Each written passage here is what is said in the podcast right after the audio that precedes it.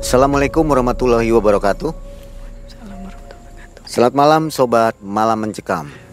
Kembali Mang Ei dan tim akan menghadirkan kisah nyata seseorang yang paling baru di minggu ini.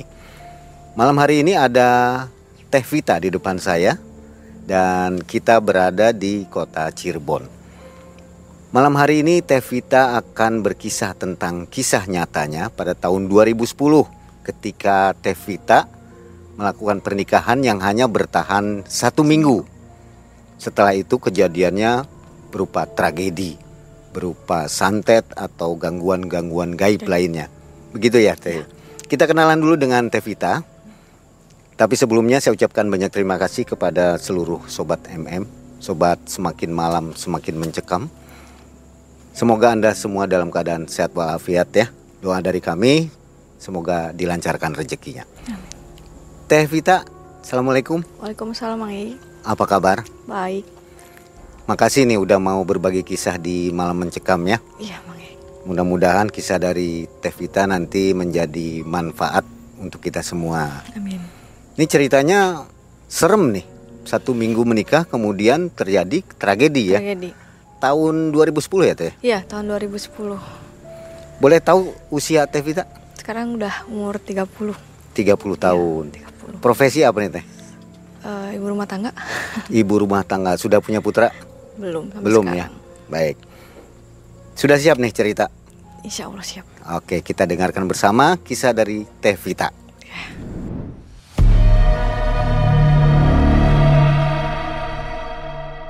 Dulu itu kita awal-awal ketemu tuh di kafe. Awal pertemuan. Iya, awal pertemuan tuh di kafe. Terus udah kayak gitu diajak pulang sama dia. Diajak pulang, terus saya tidak pulang-pulang ke rumah itu selama seminggu.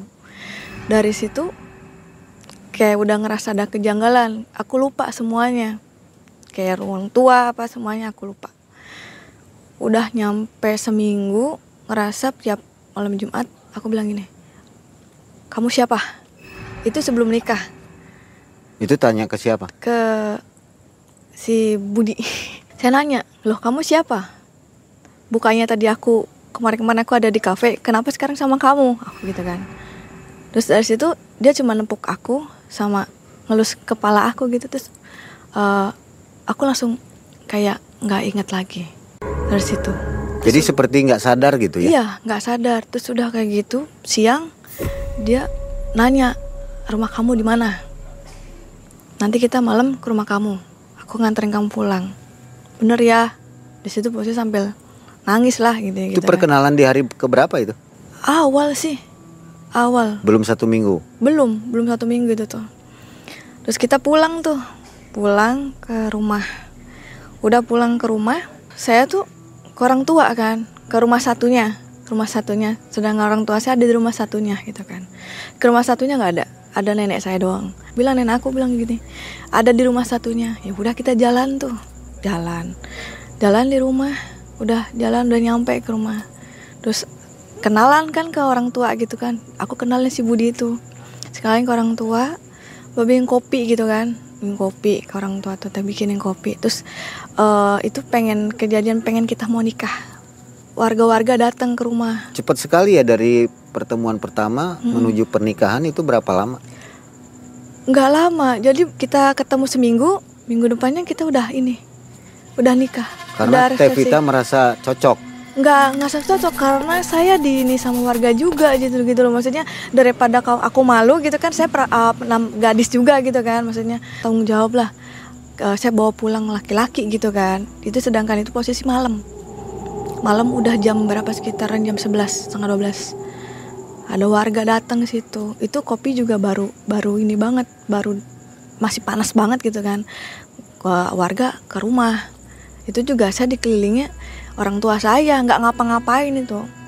Ngerasa saya juga orang tua saya saya punya anak perempuan kan gitu kan. Terus bawa laki-laki ya udah katanya. Terus ditegur kayak gitu juga gitu kan. Ya kita juga tadi udah nggak ada niatan mau nikah gitu kan karena ditegur sama warga situ.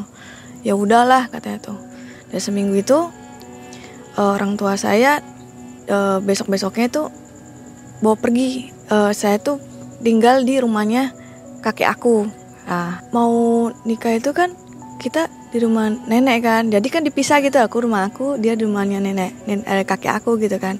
Terus udah kayak gitu. Mangi dia tuh pulang dianterin sama keluarga aku.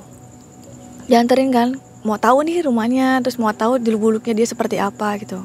Pas keluarga aku nyampe ke sana, pulang, mama aku, papa aku ke sana. Nah saya juga, saya nggak ada di situ itu tuh. Posisi saya nggak ada di situ. Saya kerja gitu kan. Nah udah kayak gitu dianterin tuh sama sama si Budi tuh ke rumahnya Budi. Mama saya tuh ada gajah kayak ganjel di situ tuh. Mama sama papa tuh nggak boleh keluar ke rumahnya. Terus udah gitu nggak boleh yang namanya dia kayak uh, bergabung sama warga-warga situ gitu loh. Itu di rumah di rumah aja nggak boleh nggak boleh keluar rumah. Mamaku tuh udah mau nikah tuh kayak udah ganjel gitu kan. Tapi ya udah kita udah di sini kita udah nganuin sebarin undangan gitu kan mama kan terus udah gitu ya udahlah uh, udah aja angin lalu lah udah biarin aja lah barangkali emang emang di situ emang warga tuh jauh-jauh di situ tuh nggak nggak ada nggak deket kayak gini gitu kan ya udah terus udah gitu mama pulang sama papa pulang. Nah aku pulang lah ke Cirebon. Nah dia juga ikut pulang kan. Di situlah kita resepsi pernikahan. Nah dari situlah. Dari situ setelah aku mau ni udah nikah keluarga datang itu tuh mau nikah aja kejanggalan tuh banyak. Kita mau resepsi tuh kejanggalan banyak. Ada yang kesurupan. Mau nikah itu ada kesurupan. Terus kayak di atas tuh kayak ada yang budak gitu loh. Itu mau nikah. Malamnya? Iya angin. Angin. Terus hujan. Udahlah besoknya udah selesai. Uh, pulang udah kan? Udah udah selesai semualah pokoknya. Udah pulang kita tuh pulang. Aku pulang lah. Itu pernikahan sudah berlangsung? Udah udah berlangsung. Nggak ada masalah nggak ada masalah uh -uh. udah jalan aja dengan normal. Udah kayak gitu. Kita mau pulang nih. Dari pulang itu dia minta duit ke mama aku ke papa. Dari minta duit itu awal minta ke bank 15 juta. Dengan itu bawa motor kabur. Saya ditinggal di rumahnya dia. Dianya pergi bawa uang. Gak berapa hari setelah pernikahan itu? Dua hari. Langsung ya? Iya langsung kejadian kayak gitu dua hari uh, pernikahan itu langsung dibawa kabur semuanya. Kayak uang uh, rumah. Terus kayak perabotan lah semuanya itu. Dia seminggu tuh per satu-satu gitu loh. Terus kayak kayak mama papa itu kayak iya iya iya aja gitu tuh. Nah udah gitu kan orang tua bilang ini kok ganjel ya? Ada apa ya? Kata mama gitu kan kok anak saya juga nggak pulang-pulang? Gitu kan. Terus sampai dibawa ke hampir dibawa ke Arab udah di penampungan juga mah itu juga udah kayak saya ditinggalin di penampungan itu tuh. Daerah mana itu? Jakarta. Tevita dibawa ke Jakarta hmm. di tempat penampungan? Iya. Seperti di, ingin dijual gitu? Iya udah ingin dijual berangkat ke Arab. Tapi di situ ya alhamdulillahnya gini masih banyak orang yang baik sama saya gitu tuh. Sampai saya nggak berangkat gitu loh. Ya namanya Allah tuh emang sayang sama saya gitu kan.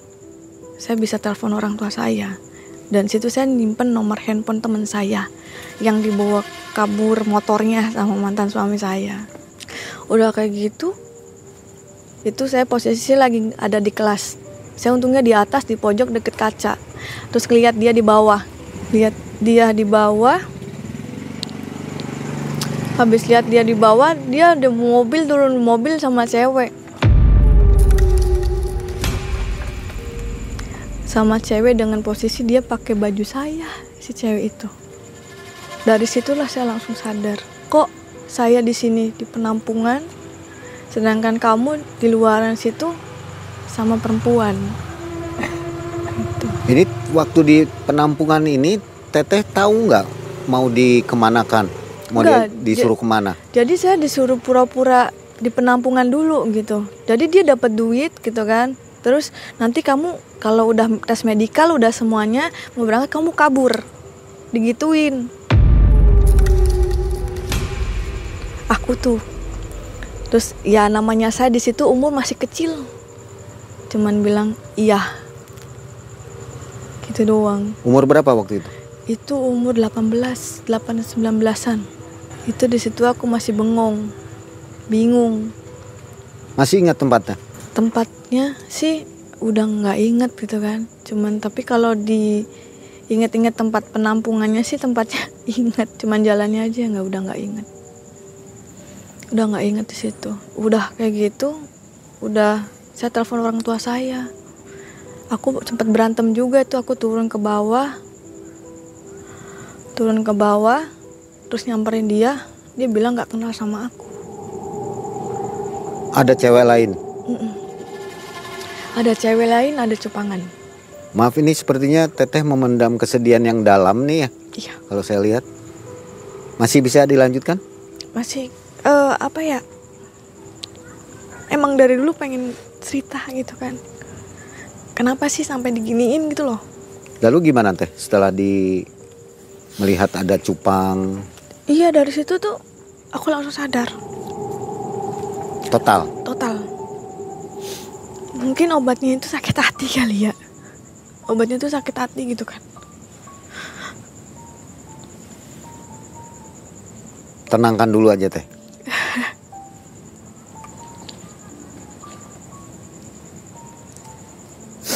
Ya Sobat MM Memang kisah ini benar-benar sangat memukul Teh Vita ya Mohon maaf apabila penyampaian Teh Vita juga mungkin akan terputus-putus Karena beliau juga harus benar-benar siap untuk menceritakan Ya, makasih.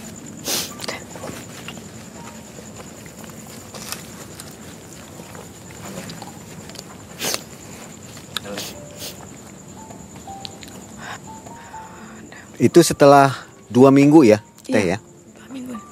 Satu minggu pernikahan Kemudian satu minggu di penampungan Iya. kurang lebih dua minggu sudah seperti ini ya. Iya. Kelihatannya seperti niat ini si Mas Budinya ini ya Iya. untuk menjual teteh ya, hanya hartanya saja yang bisa. dicari. Mm-mm. Kemudian gimana teh? Terus dari situ dijemputlah aku sama keluarga aku. Dengan hari itu pun hari itu jam berapaan itu kayak udah sore gitu kan. Dia kabur, dia eh, dia nggak nggak kabur sih ada kakaknya. Kakaknya datang. Kakaknya juga sama nganin orang-orang TKW gitu. Jadi modus-modusin orang-orang TKW gitu. Terus udah kayak gitu, keluarga aku datang, sempat berantem itu situ semua. Sampai saya bisa keluar tanpa biaya sepeser pun. Saya keluar dari penampungan itu. Ya sudah kayak gitu, saya pulang. Pulang, yang penting nyelamatin saya dulu katanya. Udah nggak apa-apa, pulang dulu. Nanti kita urus di sana. Dari situ kita pulang. Itu juga di perjalanan aku nangis, nangis, nangis. Aku minta mohon maaf, maaf sebesar-besarnya ke orang tua saya. Sampai ya kalau dibilang sakit gitu loh tapi saya pulang ke Cirebon saya pulang ke Cirebon udah kayak gitu ternyata mama saya sudah memproseskan cerai dari situ pas udah ketahuan kejadian kayak gitu saya sudah proses cerai. Kata mama saya kamu udah proses cerai. Tinggal kamu nanti tunggu panggilan. Udah tinggal nunggu panggilan aja katanya. Yuk katanya. Nanti kita langsung cerai kamu cari barang-barang yang kamu gadai itu mantan suami kamu itu gadai katanya. Di mana? Kita ambilin. Itu terus kita minta tanggung jawab. Setelah di rumah teh, apa aja? Teteh merasa ini kan ada keganjilan, nggak normal ya. Pengaruh-pengaruh mistisnya apa teh? iya kiriman itu agak datang kayak kayak di atas rumah tuh kayak ada api keliling. Terus kayak bunyi keak keak kayak Setiap burung hari? keak. Iya tiap hari itu. Terus aku kan orangnya masa bodoh aja gitu kan ya. Udah kayak gitu aku ke- kerja sekalian jebak dia. Keluarga kita tuh jebak dia terus udah kayak gitu kita ke daerah kuningan. Saya di posisi dia di cafe itu. Terus udah gitu dia calling masih calling callingan sama aku kan. Tapi kan aku orangnya namanya udah nggak terlalu kegiur gitu sama dia. Tentunya udah nggak mempan lagi gitu kan. Saya cuman iya iya iya. Dia datang terus aku bilang aku masih kerja. Terus dia bilang balik lagi kan? Dia balik lagi. Nah di situ udah dikepung ada keluarga besar aku ada orang semua sama warga-warga situ yang tadinya dia nganuin aku gitu loh yang masih suruh nikah. Disuruh nikah dia bantu juga gitu kan. Uh, aku datengin datengin ke sana gitu kan. Terus udah kayak gitu ya dia dihabisin lah sama keluarga aku. Ditonjokin dipukulin dibilangkan di mana simpen simpen apa namanya tuh uh, motor di mana. Maksudnya suruh balikin lagi gitu hartanya orang tua gitu kan terus sampai rumah habis kan namanya orang tua kan kesel gitu kan. Udah habis semuanya gitu tinggal sisa-sisa apa sih gini gitu ya kasihan sama orang tua gitu kan. Terus udah kayak gitu dibawalah dia pulang ke rumah rumah yang masih di daerah Cirebon sini. Dikerem di kamar di kamar dia sendiri kan. Terus aku dari atas aku turun ke bawah pagi-pagi itu kan. Maksudnya karena aku masih kerja datang ke bawah uh, terus udah kayak gitu ada ke, ke dukun lah. Kayak orang pintar? orang pintar bukan dukun sih orang pintar gitu tuh ya. Uh, udah kayak gitu minta tolong mama tuh. Ke tanya ke orang pintar katanya tuh iya uh, ini nih disantet sama mantan suaminya katanya. Sama suaminya gini katanya gitu. Terus udah kayak gitu sampai uh, pengen dibikin mati nih anak nih katanya tuh. Udah bikin mati udah kalau nggak gila katanya gitu tapi dia nggak mempan di situ tuh. Nggak mempan ke saya gitu kan. Ya namanya juga masih ada turunan keraton gitu kan mikirnya gitu kan. Jadi dari situ tuh ya, udah diceritain tuh sama sama itunya. Eh besoknya kejadian lah. Udah dia habis dia pulang ke, aku udah ke dukun gitu kan ya nanya gitu kan ke paranormal kayak gitu. Terus udah kayak gitu terus bilang besoknya aku kejadian lah. Kejadian lah saya itu udah kayak orang bengong. Awal-awalnya tuh kayak orang bengong. Awal bengong terus tiap jam ganjil aku tuh udah kayak nggak sadar. Orang tua aku bilang gini kamu tuh cuman tidur nggak ngapa-ngapain tapi raga saya tuh jalan katanya. Aku tuh tidur mah kata aku bilang itu kamu aku tuh tidur kata itu. Bukan bukan jalan kamu tuh kamu tidur iya katanya tuh. Emang kamu tidur? Cuman kamu tuh nggak bisa diem katanya. Mata kamu tuh pejam. Terus tiap jam ganjil kalau udah kerasa itu kayak mata tuh hilang. Hitam-hitam tuh hilang. Udah ke atas semua gitu. Udah mintanya aneh-aneh. Kayak kembang mati kalau nggak makan melati ya nggak mau makan. Jadi tiap itu tuh melati beliin satu ember satu ember gitu kan. Tapi cuman makan tuh tiga biji. Saya nggak makan nasi sama sekali. Berlangsung berapa lama? seminggu. Seminggu. Kejadian tapi di jam ganjil. Kalau pagi itu kayak nggak ada aku kayak aku tuh cuman diem kayak orang bengong sampai orang lewat aku bilang "Ah, nggak aku sapa. Biasanya kan aku ceria gitu kan kayak nyapain orang bagaimana ya kenal apa gimana kan selalu nyapain gitu kan. Ini kok nggak sama sekali. Kalau pagi nah kalau malam itu terjadinya udah ngeri banget. Rumah tuh jedar jedar jedar jedar jedar jedar sampai di rumah tuh dibikin kayak apa ya rame terus rumah tuh. Dikawal sama orang banyak diramein terus tiap hari nggak boleh namanya sepi tuh nggak boleh. Capek gitu kan. Ya gimana nggak mau capek ya. Orang tiap hari keliling keliling keliling gitu. Jadi dari rumah terus pingsan bangun lagi nggak sadar diri jalan. Jalan tuh kayak nggak naplak gitu pakai mau kena sampai aku tuh apa ya sholat ke sholat. Tapi sholat sholat saya mikirnya sih sholat sholat gitu kan. Tapi kok aneh sholat sampai goyang-goyang gini. Gitu kan aneh gitu kan. Terus kayak orang orang gila aja kayak orang gila lagi. Kayak gimana sih namanya orang gila? Ya namanya di sholat pakai kena. Terus udah gitu beg pingsan.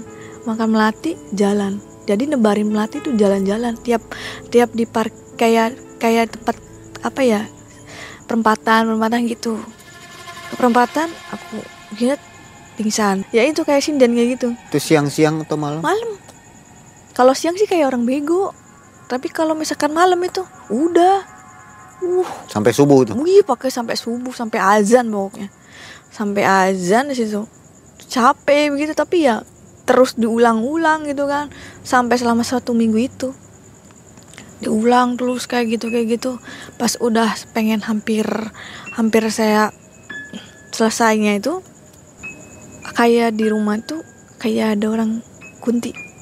Kunti tuh kunti kayak nyamperin gitu kan kayak mau ngambil gitu kan. Terus kayak bunyi monyet kayak gitu lah. Udah kayak kunti kunti nyamper gitu kan. Terus ya posisi saya emang nggak tahu kat terus mah kayaknya cuma diem gitu kan. Tapi saya ngeliat tuh di tempat terang banget. Jadi di posisi tuh depan tuh ada yang gelap. Saya di tempat terang. Tapi saya dikelilingin tuh sama kayak uyut-uyut saya gitu tuh. Kayak uyut kayak kakek-kakek saya gitu kan nah terus pas mau kejadian mau selesainya itu di rumah aku dipegang. Aku posisi tiduran katanya mama aku cerita apa apa aku. Aku posisi tiduran dipegangin sama orang 15 orang. 15 orang megangin seorang gede-gede. Aku gini mental semuanya.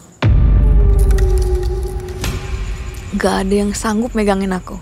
Nah udah kayak gitu udah posisi tragedinya gede kayak gitu ada orang lah yang baik banget sama saya yang nolongin saya gitu kan. Ya dibilang orang pinter sih mungkin dia pinter gitu kan tapi kan kita nggak tahu gitu kan. Baik baik banget lah intinya. Kalau nggak ada dia juga kayaknya aku kalau nggak malam itu juga mati gitu kan. Udah serangan sana sini sana sini sana sini. Di posisi itu tuh di atas tuh rame. Kayak api tuh muter-muter api. Terus orang tuh datang kenapa? Kenapa? Bisa merinding. Kenapa? Kenapa? katanya. Kenapa? Ada apa?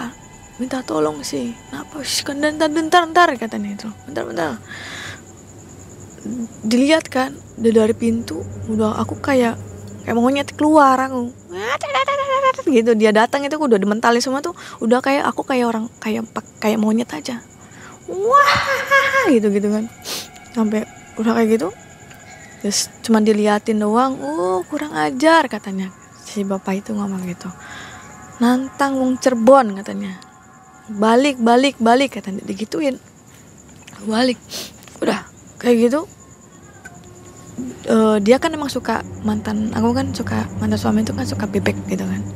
Dia minta minta kan ditekek nggak tahu diapain gitu kan. Dikejar kejar kejar itu tuh bola-bola tuh ini muter-muter terus tuh. Dikejar langsung dikejar tuh si itu tuh.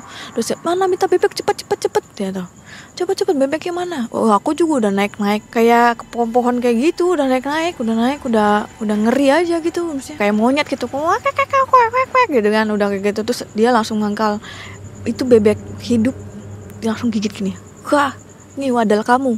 Terus lemparin bola api langsung itu langsung buar gede banget. Orang semua tuh pada denger. Dari situ langsung pok saya pingsan. Udah nggak sadar apa-apa lagi. Udah nggak sadar terus nggak sadar itu saya selama itu kayak orang mati suri. Selama berapa lama? Dua hari. Aku ya itu posisi aku aku cuma ingatnya aku tuh aku tempat terang nen nenek kak nenek uyut aku nemenin aku. Tapi di ujung sana itu ada tempat gelap dia manggil manggil aku. Itu posisi mamaku udah nangis nangis gitu. Keluarga aku udah nangis nangis semua. Terus udah kayak gitu itu aku untungnya tuh dikelilingin sama orang kayak ada ratu ratu kayak putri lingling gitu loh. Putri lingling. Terus dari keraton kesepuhan katanya mah. Terus udah kayak gitu ada orang jubah-jubah putih banyak banget itu pas kejadian itu tuh. Sama yang ujung itu kayak lorong gelap gitu kan. Sini sini tapi kalau gak kayak ke nenek kakek aku bilang itu jangan lihat ke sana lihat di bawah mama kamu lagi manggil kamu. Kasihan mama kamu. Sadar. Pulang yuk. Ayo teman pulang. Aku bilang takut. Udah aman gak apa-apa ayo pulang. Takut aku gitu. Aku cuma bilang takut takut dan takut. Ayo diantar. Diantar. Mama kamu nangis gitu mama kamu ngorbanin kamu loh. Papa kamu ngorbanin kamu loh. Pengen anaknya pulang. Pengen bareng-bareng lagi. Ngerasa apa ya? Aku gini ngerasa kok jahat banget sih dia gitu loh. Jahat banget gitu loh maksudnya kok sampai kayak gini gitu. Terus yang di yang yang gitu tuh dia pernah ngomong gini.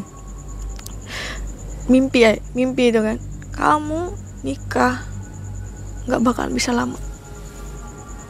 Kamu juga nggak bakal bisa punya anak. Aku mimpi kayak gitu yang aku inget kayak gitu omongan kayak gitu. Pas gitu aku langsung turun kayak turun jatuh ke kayak pulang gitu kan. Terus yang yang di situ kan kayak putri liling apa gitunya kan sama yang jubah-jubah putih itu tuh ayo turun turun katanya. Jangan takut turun turun. Terus turun diantarin turun ke bawah. Dari situ udah. Sadar? Aku sadar. Dan sadar itu juga aku masih bengong. Mah pah kenapa? Ada apa aku cuma jawab kayak gitu doang. Mama bilang gak ada apa-apa. Udah capek ya? Istirahat. Mau tidur lagi apa? Nggak nggak mau udah capek. Jangan tidur terus takut. Di situ. Udah tuh kan. Sadarnya besok paginya. Besok paginya itu yang namanya orang masih ada begituan ya. Maksudnya masih belum terlalu bersih banget gitu kan di rumah aku tuh awalnya kayak takut gimana sih? Kayak bawa tuh berat enggak berat banget. Terus kayak ada yang ngikutin terus belakang tuh. Terus semenjak itu aku sensitif. Bisa lihat? Iya hal-hal goib-goib kayak gitu. Terus mau ngecek ke sana gitu kan. Terus sama mama aku dimarahin terus aku diem-diem. Aku ngecek ke rumahnya mereka. Katanya di situ ada jamur kuning. Rumah mereka ini siapa? Di mantan suami si Budi si itu. Budi. Iya. Tetangganya bilangnya ada yang meninggal. Gak tahu siapa. Oh aku dari situ langsung pergi lagi. Pulang. Kondisi ini teteh sudah mulai sadar? Iya mulai sadar. Siapa sih itu? Yang yang bikin saya seperti ini gitu tuh nah dari situ tuh kan aku diomong kayak gitu. Jadi pas aku tiap nikah emang kenyataan terus sih.